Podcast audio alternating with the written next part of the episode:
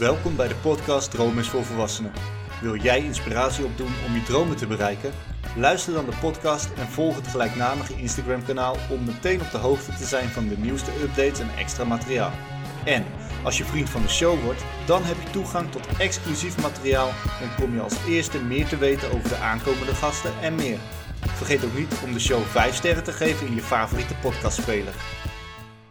Vandaag heb ik Saskia van der Vorm te gast. Saskia is de eigenaresse van Your Art Service. Your Art Service maakt kunst met een persoonlijk verhaal, voornamelijk in portretvorm en op speelgoedkisten. Saskia begon na haar studie aan een goede baan bij een grote corporate. Ze had veel ambitie en wilde graag carrière maken. Een burn-out maakte hier een einde aan, maar gaf haar ook het inzicht dat tekenen en schilderen haar echte passies zijn. Hiermee ging ze in eerste instantie hobbymatig verder, maar toen ze in één jaar tijd haar nieuwe baan verloor, haar vader, vader plotseling overleed en een prachtige dochter kreeg, besloot dat het tijd was voor verandering. In deze podcast gaan we het hebben over haar reis, over de belangrijke momenten die het roer deden omgooien en nog veel meer. Saskia, welkom bij de podcast en leuk dat ik hier in je atelier mag zijn. Hoe gaat het met je? Ja, uh, dankjewel. Ja, het gaat, uh, gaat eigenlijk heel erg, uh, heel erg goed. ja, we zijn in mijn atelier. Um, ja, dus daar ben ik, ben ik zelf heel graag. Ik heb mooie opdrachten, dus het gaat heel lekker. Ja, en als ik hier ook om me heen kijk, dan zie je ook als je binnenkomt, hier wordt heel veel gemaakt. Volop creatief proces. Ik zei het net al, ik, had, ik parkeerde de auto en ik zag al de speelgoedkist door het raam heen. Dus ik denk dat ik zit goed. uh, laten we eens bij het begin beginnen. Want ik heb net in de intro natuurlijk wel een en ander verteld. Uh, jij ging studeren. Wat heb je bijvoorbeeld in eerste instantie gestudeerd? Ik heb een hoge hotelschool gedaan. Oké. Okay. Ja. Nou ja, dat is niet echt uh, creativiteit, maar dat is natuurlijk ja, meer de ja, hoe zullen we het noemen? Facilite ja, facilitair. Ja, managementopleiding Ja. ja, ja klopt. En Nou ja, je kwam dan uiteindelijk na je studie bij een groot bedrijf, bij een grote corporate terecht. Ondertussen voor de luisteraars komt er, we zitten op een industrieterrein, dus af en toe horen we wat vrachtwagens. Uh, maar je was klaar met je studie en je ja, ging eigenlijk het werkende leven in. Mm -hmm. Hoe ging dat? Uh, ja, dat, dat ging eigenlijk gewoon heel erg goed. Ik wilde... Um, uh, ik zat vol ambitie toen ik van de, van de hotelschool afkwam. Dus ik wilde graag um, uh, carrière maken. Ik wilde graag um, ja, lekker, lekker bezig zijn uh, en door eigenlijk. Ja. Dus toen ben ik inderdaad bij een grote corporate, corporate terechtgekomen. ja, ja. Ja, je, ging, je kwam gewoon eigenlijk op een goede plek terecht. Ja, op zich prima. Je had ambitie. en vanuit je studie was het ook zo dat je daar... ja, tenminste tijdens je opleiding dat je ook al een beetje aan, in verschillende hotels, hotelketens had geproefd wat de mogelijkheden ja, ja, waren? Tuurlijk, ja, ik heb uh, verschillende stages gelopen, ook in het buitenland. Um, dus ik heb ook, daarna heb ik ook een wereldreis gemaakt. Dus ik heb wat dat betreft uh, ja, veel in de wereld uh, gezien, veel inderdaad in, binnen hospitality gewerkt. Um, en dat is ja, hotels, restaurants, dat soort dingen. Um, alleen ik wist wel dat, dat um, hoewel ik hospitality het gastvrij zeg maar heel erg leuk vind, ik niet per se uh, binnen hotellerie verder wilde uh, werken. En uh, daardoor ben ik ja, eigenlijk verder, verder gaan kijken en ben ik ja, bij, toch in de corporate wereld ja. terechtgekomen. En voor de, voor de luisteraars, maar ook voor mezelf, wat versta je onder de corporate wereld?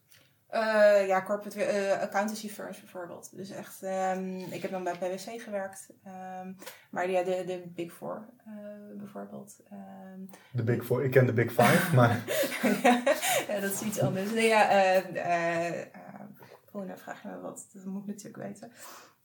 nee, hoeft niet. Hoeft nou, ja, PwC, KPMG. Gewoon echt de, de, grote, de grote bedrijven in Nederland, zeg maar. Ja, grote accountancybedrijven. Ja, oké. Okay.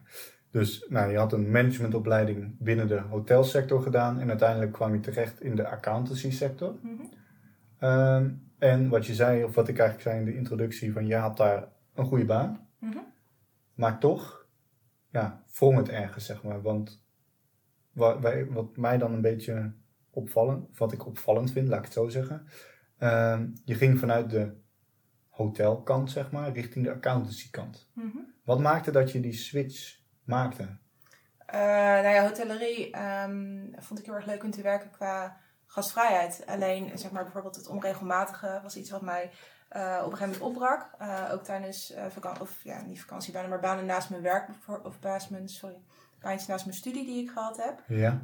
Um, ik werk natuurlijk binnen hotellerie, werk je in de weekenden, je werkt op feestdagen, je werkt onregelmatig. En ik merkte gewoon dat ik eigenlijk beter functioneer als ik meer regelmaat heb. Ehm, en eh, ik wilde ook wat meer weekenden vrij hebben.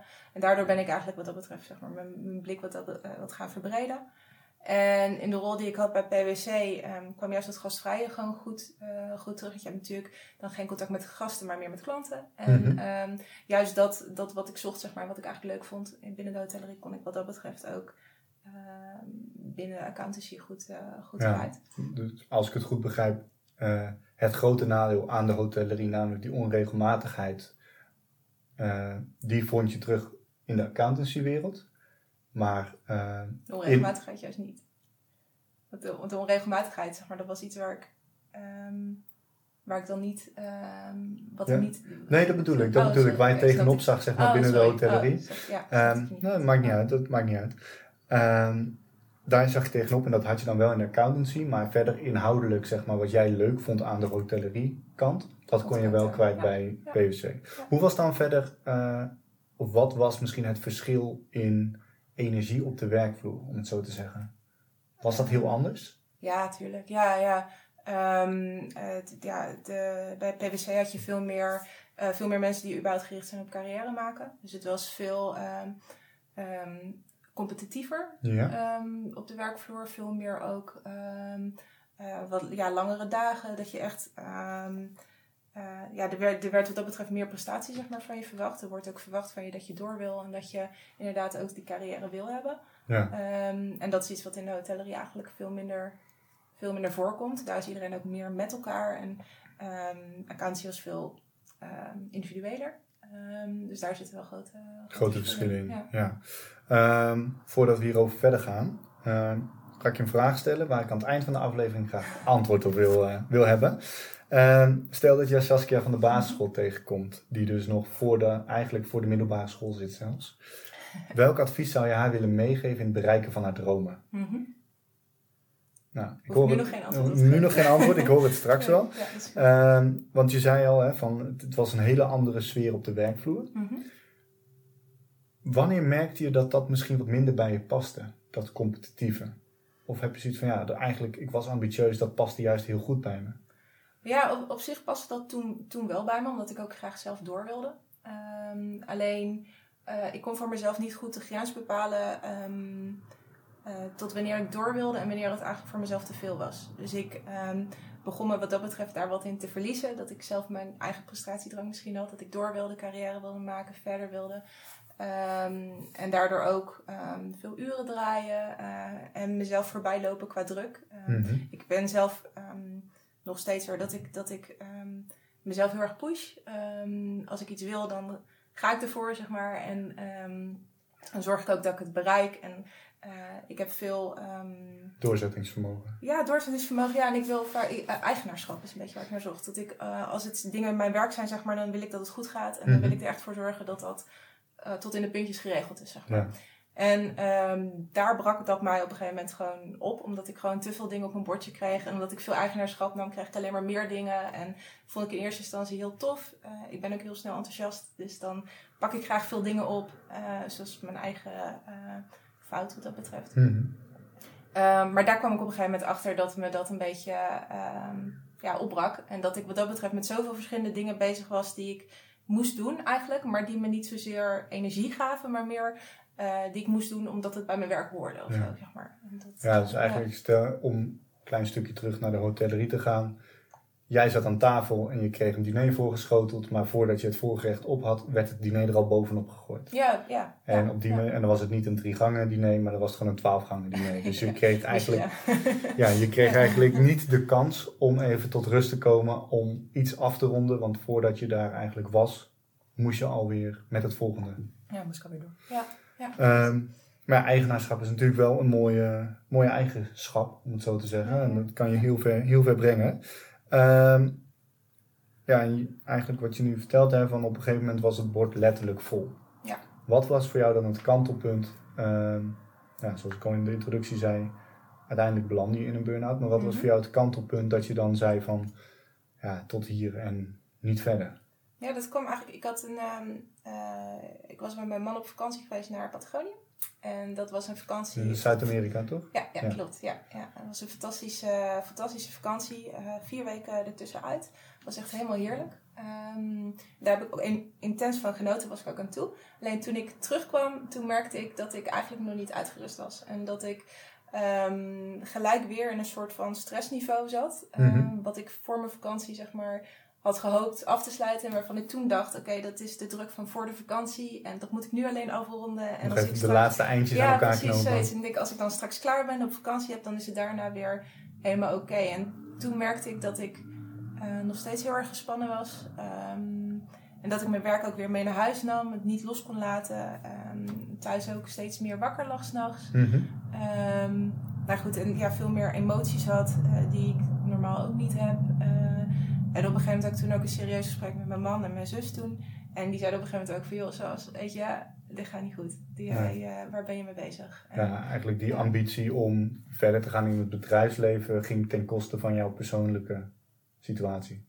Ja, ja, eigenlijk wel. Ja, ja ook omdat, ja, ja, omdat het er ook denk ik niet, ehm, uiteindelijk niet genoeg energie gaf. Zeg maar, het, het werk aan zich, want ik kan veel werk hebben. Dat is Mhm. ook geen probleem. Alleen dat moet je wel ook zelf iets opleveren. Je moet er energie van krijgen. Ja, En op het moment dat dat eigenlijk niet het geval is, dan is het alleen maar... zeg Energie vreten. Ja, precies. Ja. Ja.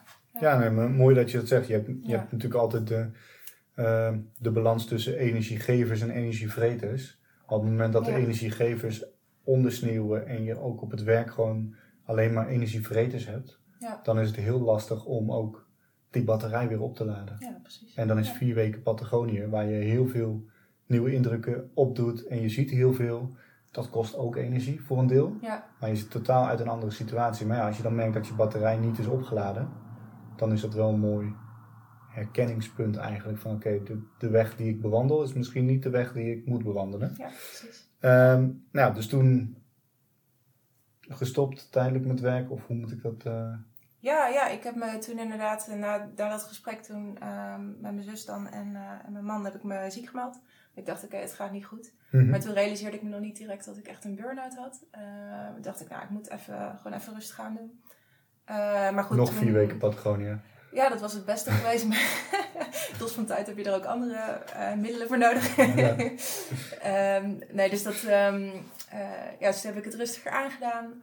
En uiteindelijk, nou ja, toen het daarna nog, nog niet ging, heb ik een keertje met de bedrijfsarts bijvoorbeeld ben ik gaan, eh, gaan praten. En nou ja, uiteindelijk is het dan in de huisarts en uiteindelijk is het dan het balletje gaan rollen. En Ja. ben ik eigenlijk wat meer ja, een soort van ingestort. Omdat het toen pas alles eruit kwam en ik voor mezelf ook kon erkennen van oké, misschien gaat het niet goed. En, Nee, eh, zo, die emmer die was ja. vol en die was tijdens jouw vakantie niet voldoende leeg geraakt. ja, En dan, nou ja, tijdens de gesprekken merk je, oh, maar hoe groot ik eigenlijk denk dat mijn emmer is, is die helemaal niet. klopt. Ja. En dan, Ja. nou ja, je hebt nog steeds dezelfde hoeveelheid water erin, Ja. maar een kleinere emmer, dus nou ja, dan Ja. gaat het natuurlijk overstromen.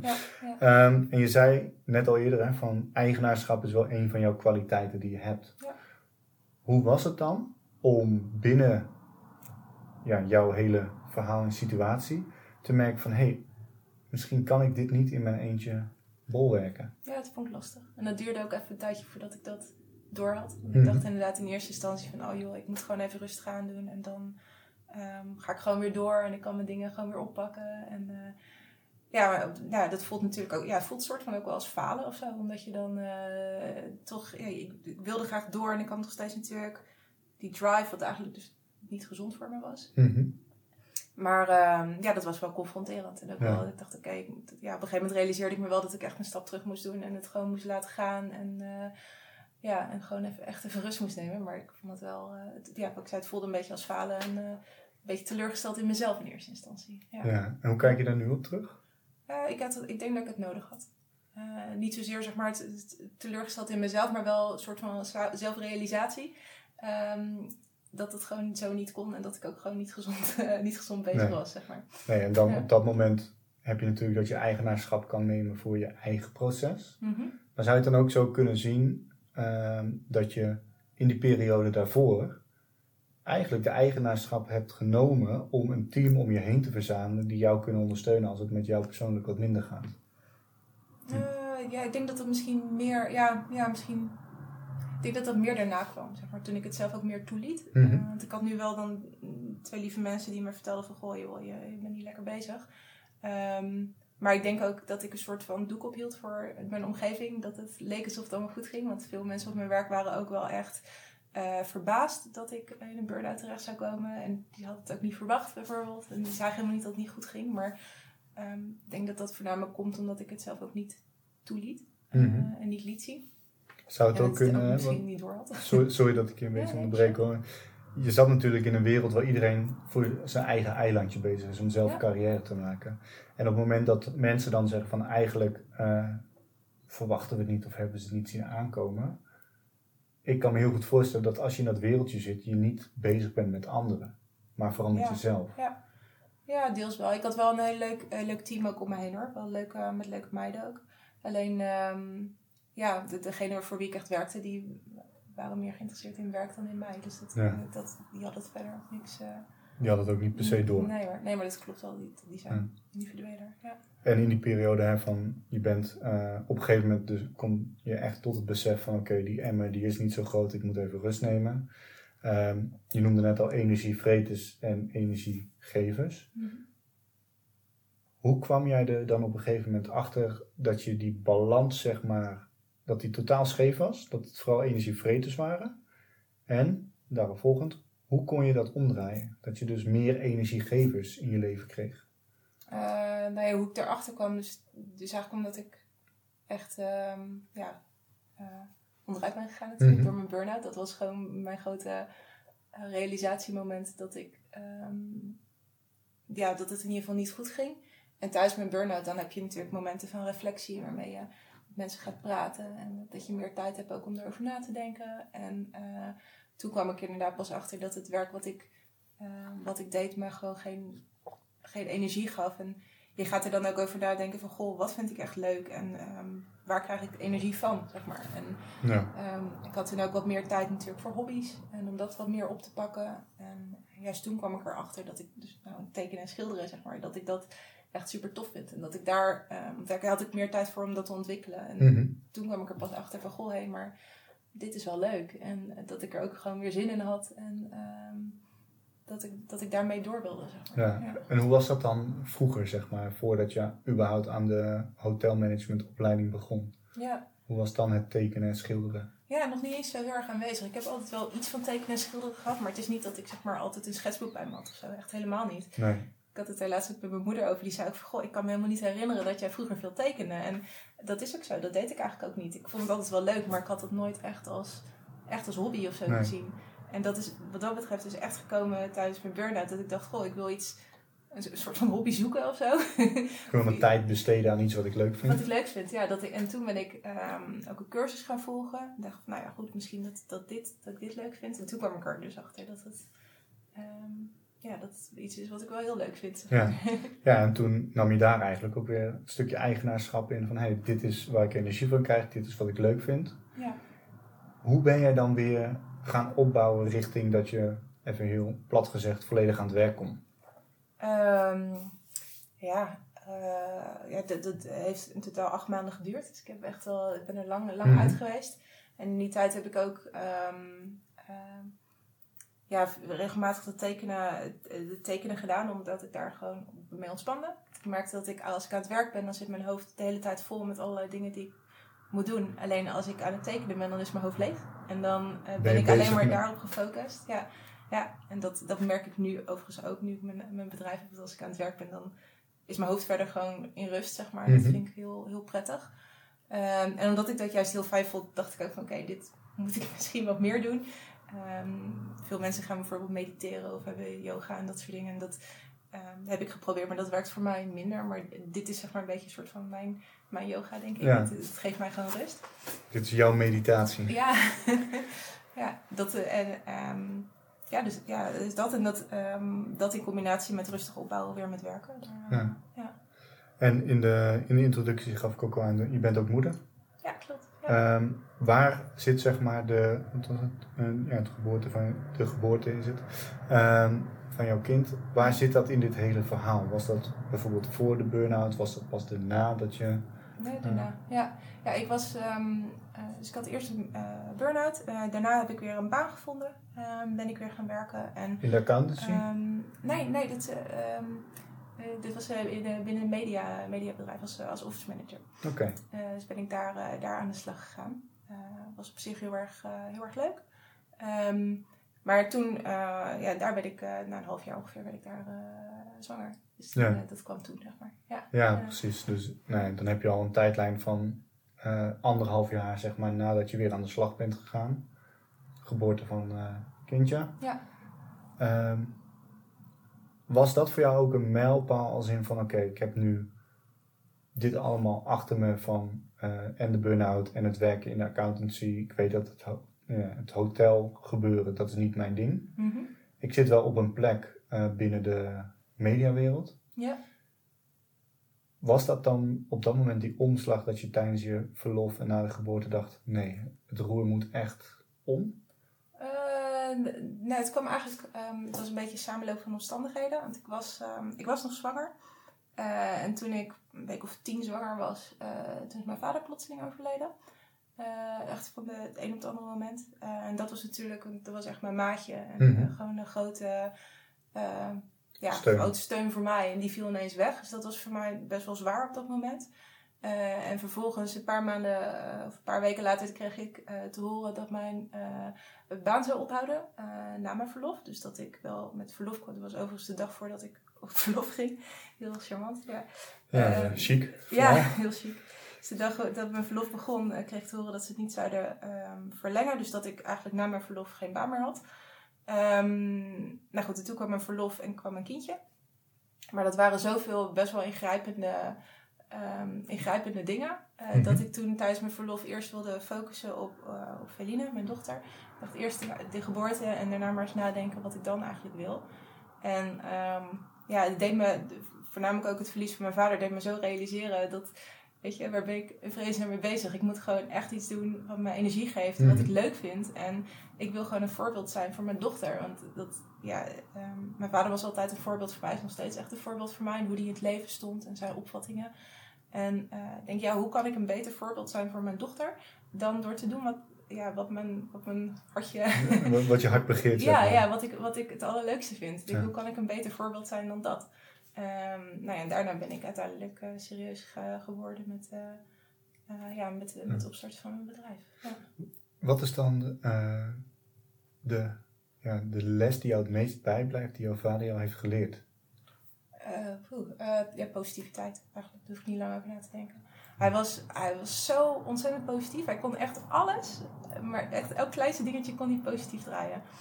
En eh, dat vind ik zo'n enorme gave. Mhm. Ehm, en dat probeer ik zelf ook altijd. Ehm, lukt niet altijd, maar probeer ik zelf wel altijd in mijn, in mijn dingen te doen. Om alles gewoon positief te kijken. En zeg maar de, de, ehm, de oplossingen te zien. Zeg maar niet de problemen, maar als er, als er problemen zijn of dingen zijn die niet goed gaan, is er altijd ook een andere kant. Ja, gewoon, dit is waar we nu staan, dit is waar we mee te maken hebben, hoe kunnen we het beter maken? Ja, zoiets. Ja. Ja.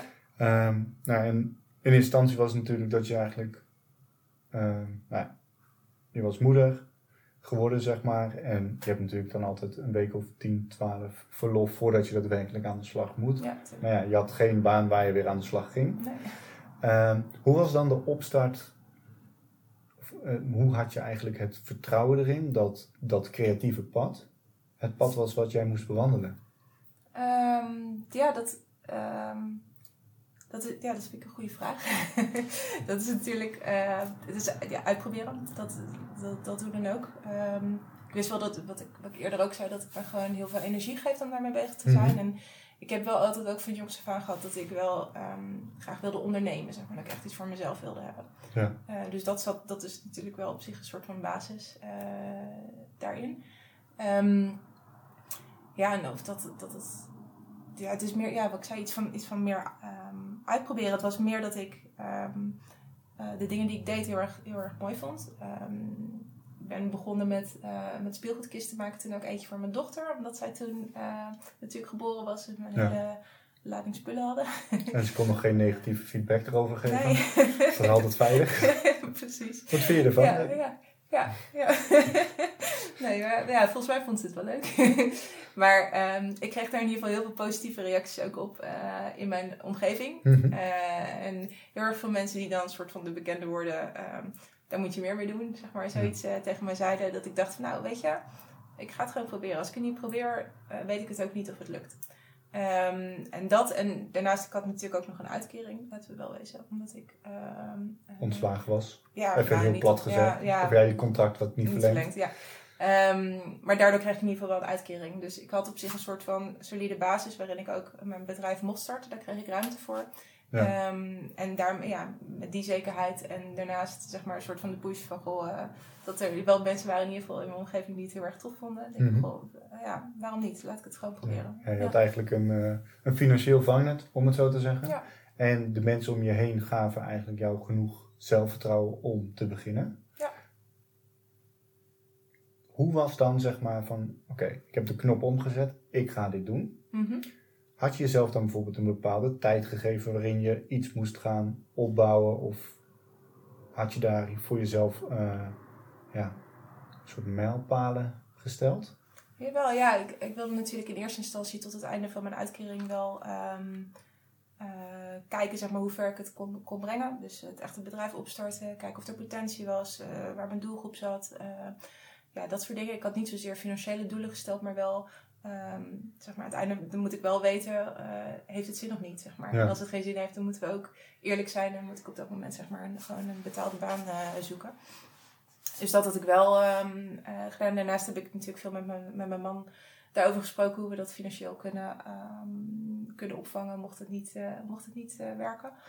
Ehm, ja, maar het ging eigenlijk, ging eigenlijk heel erg goed. Dus, dat, dus wat dat betreft had ik wel de eerste, in eerste instantie wel dat soort doelen voor, me, voor mezelf gesteld. Om te kijken of het, ja, of het zou gaan starten, zeg maar. Ehm, maar steeds, ja, dat doel had ik. Daarna heb ik een, een half jaar verder bijvoorbeeld weer een doel gesteld van... Oké, nou wil ik met mijn bedrijf die kant op en ik wil zo groeien. En kijken of dat lukt Ja. of niet. En, dus, ja. Ja, dus eigenlijk reflecteer je steeds na een bepaalde periode, na een bepaald aantal maanden van oké, dit was het plan van de afgelopen zes maanden, pak een beet. Dat is op deze manier gegaan. Dit moet ik verder gaan. Dit kan ik misschien wat anders doen of nieuw doen. En voor de komende zes maanden is dit mijn doel. Ja. Heb je ooit getwijfeld dan in dat, in dat hele proces? Nou, ja, tuurlijk. Eigenlijk al, ja, tuurlijk wel. Elke Ja. dag. Nee, oh nee, absoluut niet. Nee, niet elke dag. Maar wel, ehm, wel dat je denkt van gaat het, gaat het inderdaad genoeg zijn? En ehm, ik heb natuurlijk ook wel momenten gehad dat ik dingen heel graag wilde. Alleen dat ik dan dat er eh, bijvoorbeeld op advertentiesets die ik dan uitstuurde, dat er minder reacties kwamen dan ik wilde. Dat je denkt, ja shit, ben ik dan wel goed bezig? Of hoe moet ik in vredesnaam verder? En, Ja. ehm, eh, maar elke keer kom ik daar dan toch weer op een bepaalde manier toch weer uit. En eh, door dingen te veranderen, dat ik toch wel weer mensen aanspreek. Of, dus, maar ja, natuurlijk heb ik ook wel, ook wel twijfels. Ja. Eh, dat is ook wel mens- menselijk, denk ik. Ja, nee, zeker. Ja. zeker. Ik denk Ja. dat twijfelen altijd goed is. en je kan het negatief zien van, ah, je kan geen keuze maken. Maar het gaat er eigenlijk meer om dat als je twijfelt, dan ga je dus een keuze maken die wel overdacht is. En dat je Misschien dus je meer reflectie of zo. Nou, bijvoorbeeld. Maar ja, reflecteren is Ja. vaak eh, nadat iets gebeurt, zeg maar. En twijfelen zie ik meer als de Ja, van, oké, welke, welke situaties heb je? Ehm, maar ja, uiteindelijk heb je dus en had je het, dus het financiële stukje. Je had met je man gesproken van oké, voor de komende periode, wat gaat dit betekenen en kunnen we het daarin redden? Ja. En uiteindelijk ben je gewoon ja, simpelweg gaan doen. Het is eigenlijk hetzelfde wat ik Ja. in mijn boek schrijf van stap 1 voor iedereen is ja, kom van die bank af. Ga het doen. Want niemand Ja, anders, die, die ja, kunst die jij maakt, niemand anders maakt dat. Nee, voor ja, jou. nee. Klopt, ja. En ik denk ook, ja, wat ik net ook zei, never try, you never learn. Als je, Precies. als je het niet probeert, dan kom je ook nergens. Nee. zeg Maar, ja. Ja. Hoe was het dan? Hè? Van, eh, je zei al van ja, bijvoorbeeld zo'n advertentie, daar komt dan minder reactie op. In het kader van jouw kracht van eigenaarschap, Mhm. Hoe was het om daar dan mee om te gaan dat je eigenlijk alles had gedaan voor jouw gevoel wat goed was, maar de respons was niet wat je verwachtte? Ja, dat is meer het leren. Zeg maar, ja, goed, je je kan. Ik heb op de, ook op de hotelschool genoeg dingen geleerd over hoe je zakelijke dingen aanpakt of hoe je marketing doet. En alleen, ehm, je leert het pas echt op het moment dat je alles zelf doet. Ja. En ook net, dat is hetzelfde met ondernemen. Er komt zo ongelooflijk veel bij kijken.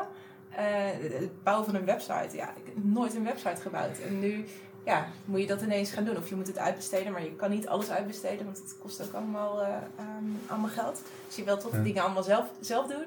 Ehm, Dat kost weer tijd. ja, ja, klopt. En je moet, alles, ja, je moet het uitvinden. Ehm, eh, maar goed, ja, dat, ik zie dat maar als een, als een uitdaging. Ik probeer dan een beetje dat van mijn vader, zeg maar, om er de positiviteit in, eh, eh, in te zien. En om het, om het gewoon te, te proberen. doen, ja, ja. te doen. Ja. Ja, maar dat is het denk ik ook. Hè, van, als je ergens wil komen, dan kost het je hoe dan ook of tijd of geld. Klopt. Ja. Ja. Want anders dan, het is niet dat we een of andere teleportatie dingen hebben dat je van A naar B gaat zonder er iets voor te doen, zeg maar. Nee, Ehm, dus je moet wel bereid zijn om dat te investeren. klopt. En je zei het net Ja. ook al van cursussen om beter te worden in de kunst die ik maak. Of Ja. andere technieken of wat dan ook.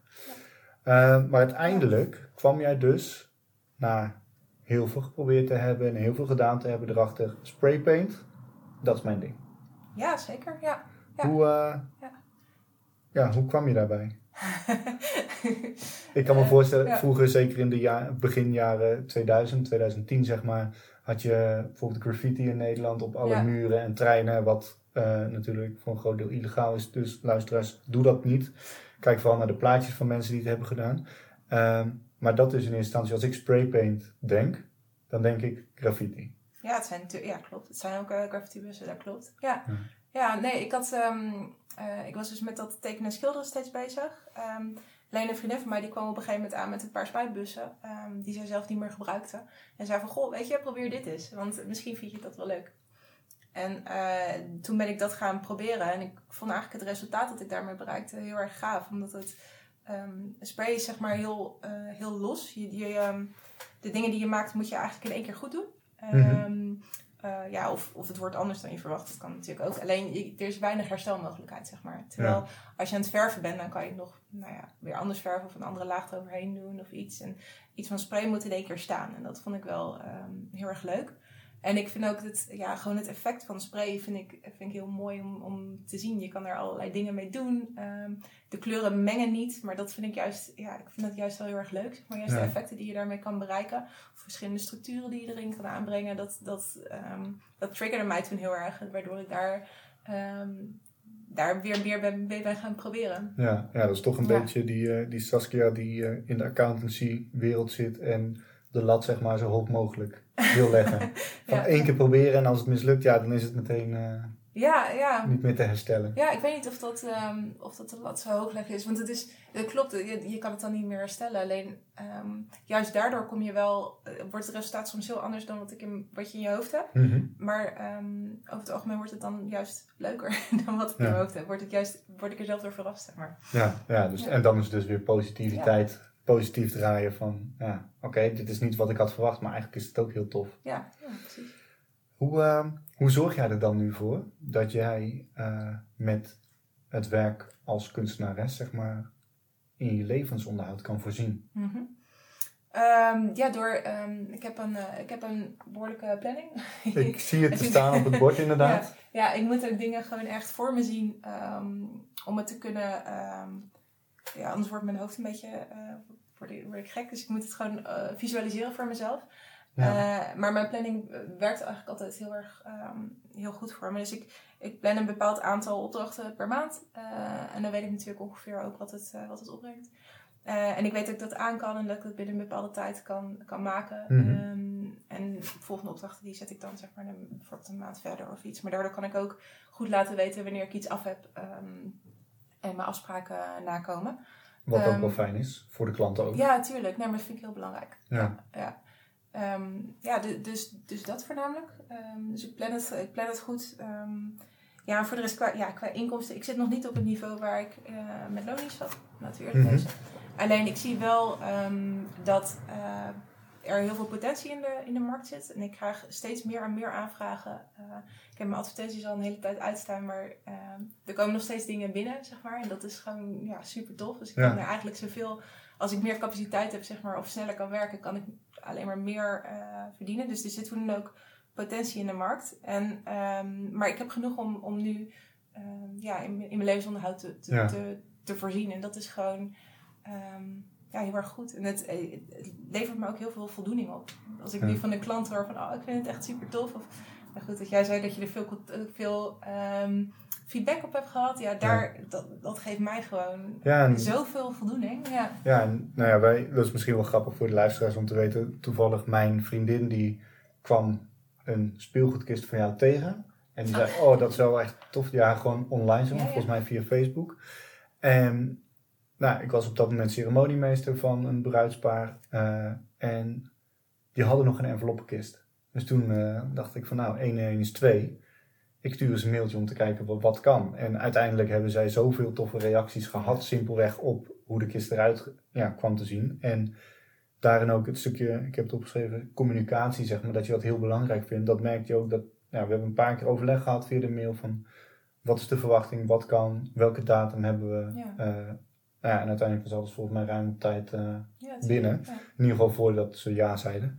Dus dat, dat was wel fijn. dat was wel fijn.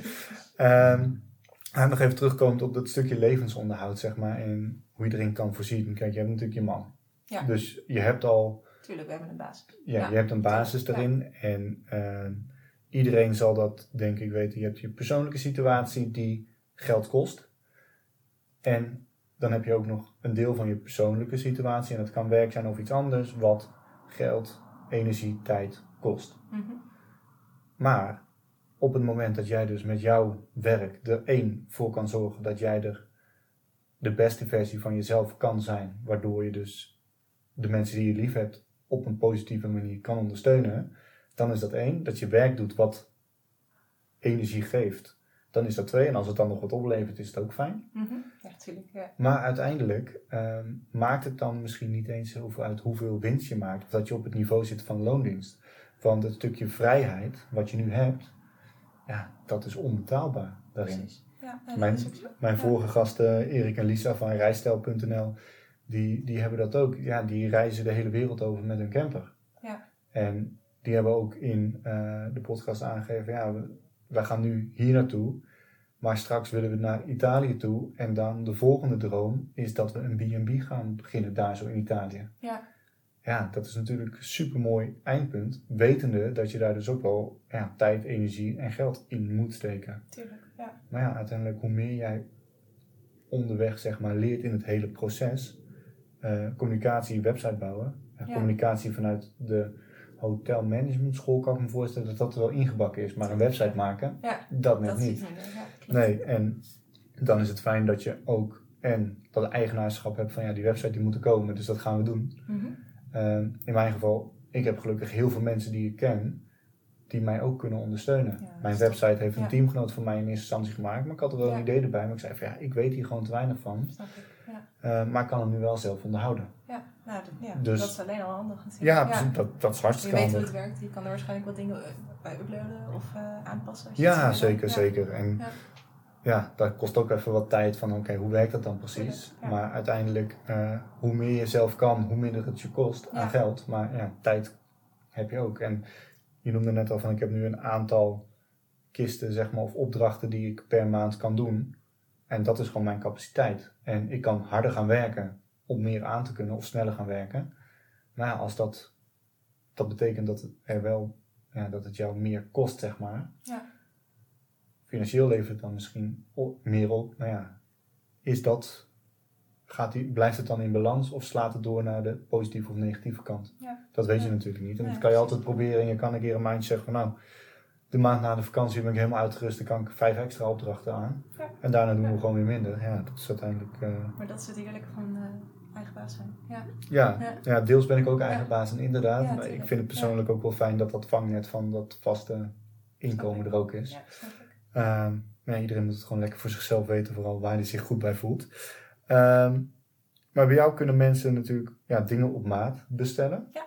Ehm, en daar ben je denk ik het meeste tijd aan kwijt, want nou ja, dat, iedereen wil wat anders.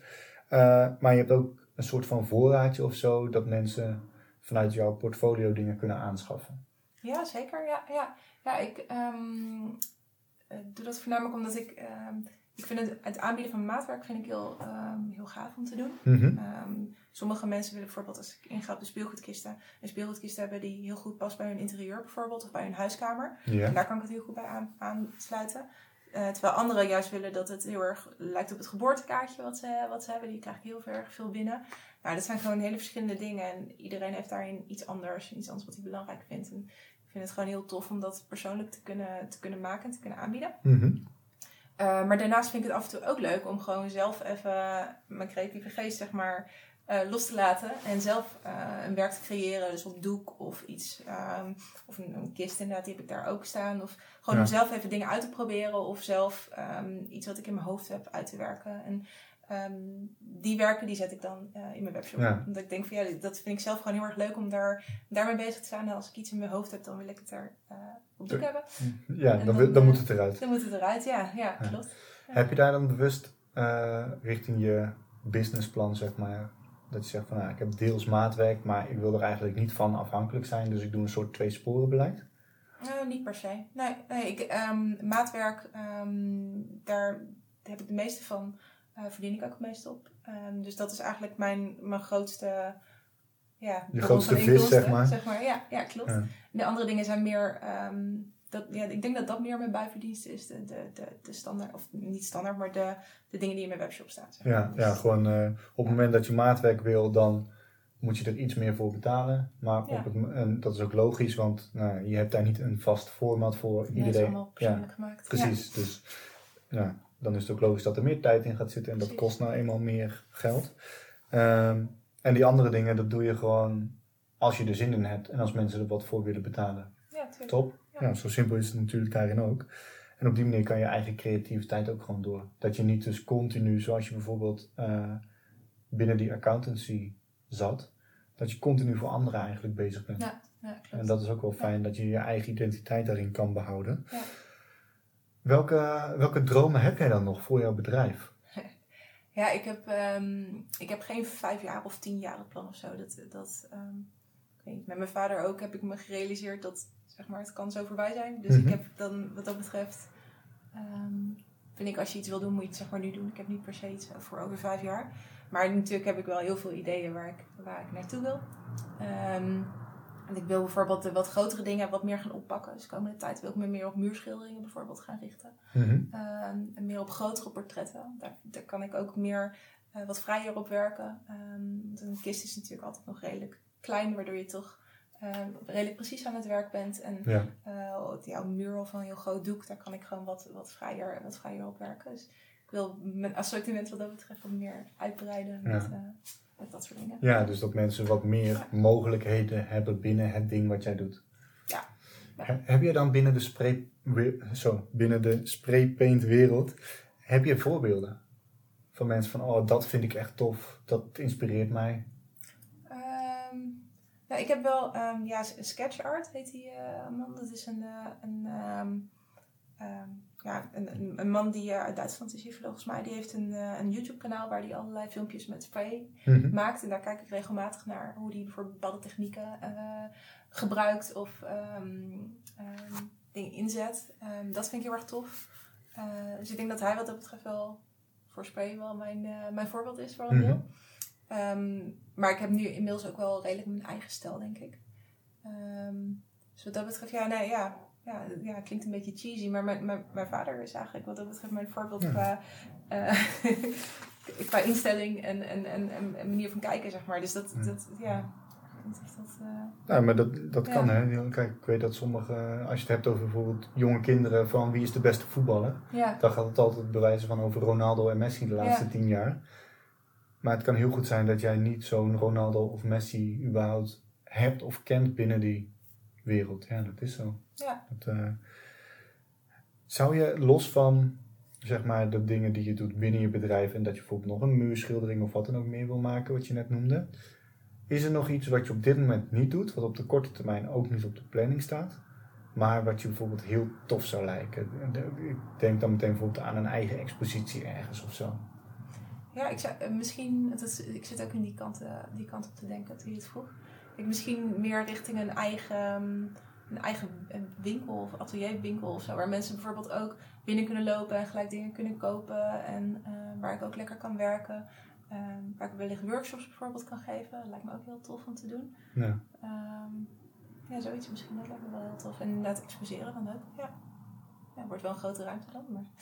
Ja, nou ja, als je een paar muurschilderingen hebt, dan is het, Ja. kan je de buitenkant nog gebruiken. Misschien helpt Ja, dat. durf te dromen. Ja, precies, precies. Nou ja, we, gaan, we gaan het merken. Ehm, ja, maar het is inderdaad wel dan wel heel moeilijk om, wat je net zei, van ik weet niet waar ik over vijf of tien jaar sta, simpelweg. eh, ja, met de situatie van je vader snap ik dat ook wel, dat je dan niet te ver vooruit wil Mhm. plannen wat dat betreft. Stel nou dat mensen naar aanleiding van dit gesprek zeggen van ja, ehm, ik ben wel geïnteresseerd, ik zou wel eens weten, willen weten wat Saskia kan maken, zeg maar voor mij. Mhm. Op welke manier kunnen ze met jou in contact komen? Eh, via mijn website, uiteraard eh, kan dat. Uh, www.yourartservice.nl Ik zet het in de, in de show notes erbij, Ja. voor het gemak. Ja, dus dat kan. Het kan ook via Instagram ehm, of via mijn Facebook, ehm Your Art Service. Ehm, ja, en via, ja, via die kanalen kan het. Ja. Eigenlijk kan het. Volgens mij mijn telefoonnummer staat er ook. En als ik ben per e-mail ben ik altijd goed bereikbaar. Ja, ja. En over tien jaar bij je eigen expositie. waar eigen expositie Ja. in de ruimte. Ja, ah, prima, ja. dan spreken wij elkaar over tien jaar Ja, ook weer en dan eh, kan dat mooi tijdens die expositie. Kom je dan de workshop volgen bij? Ja, dat, gaan dat gaan we doen. Dat lijkt me, lijkt me fantastisch. Leuk. Ehm, ja, voordat we gaan afsluiten, hadden we nog één vraag openstaan. Ja. Wat, eh, wat is het advies in het bereiken van de dromen die jij aan de jonge Saskia van de basisschool zou willen meegeven? Ja. ja, jongens, Saskia was met hele andere dingen bezig, denk ik. Maar ik denk wel, ehm, luister, eh, ja, luister naar je hart. En doe echt gewoon wat je, wat je energie geeft. En ehm, ik zou ook mezelf meegeven om echt naar mijn creatieve kant meer te kijken. Ehm, en om dat toch echt wel meer te ontwikkelen. Omdat het gewoon Ja. veel... Ik ben er pas eigenlijk wat dat betreft op latere leeftijd achter gekomen dat dat me heel erg, heel erg veel oplevert. En als ik daar eerder achter was gekomen, dan had dat mijn leven misschien nog wel wat makkelijker, eh, makkelijker gemaakt. Ja, Ik denk dat het een mooi advies is. Als het een beetje kan samenvatten, dan is een van de grootste dingen die je hebt benoemd in het bereiken van jouw droom, is het stuk eigenaarschap. Mhm. Dus gewoon, ja, en dan ook gewoon proberen. Maar als je iets wil, ga het letterlijk doen. Ja. Zorg dat je ook reflecteert en twijfelt.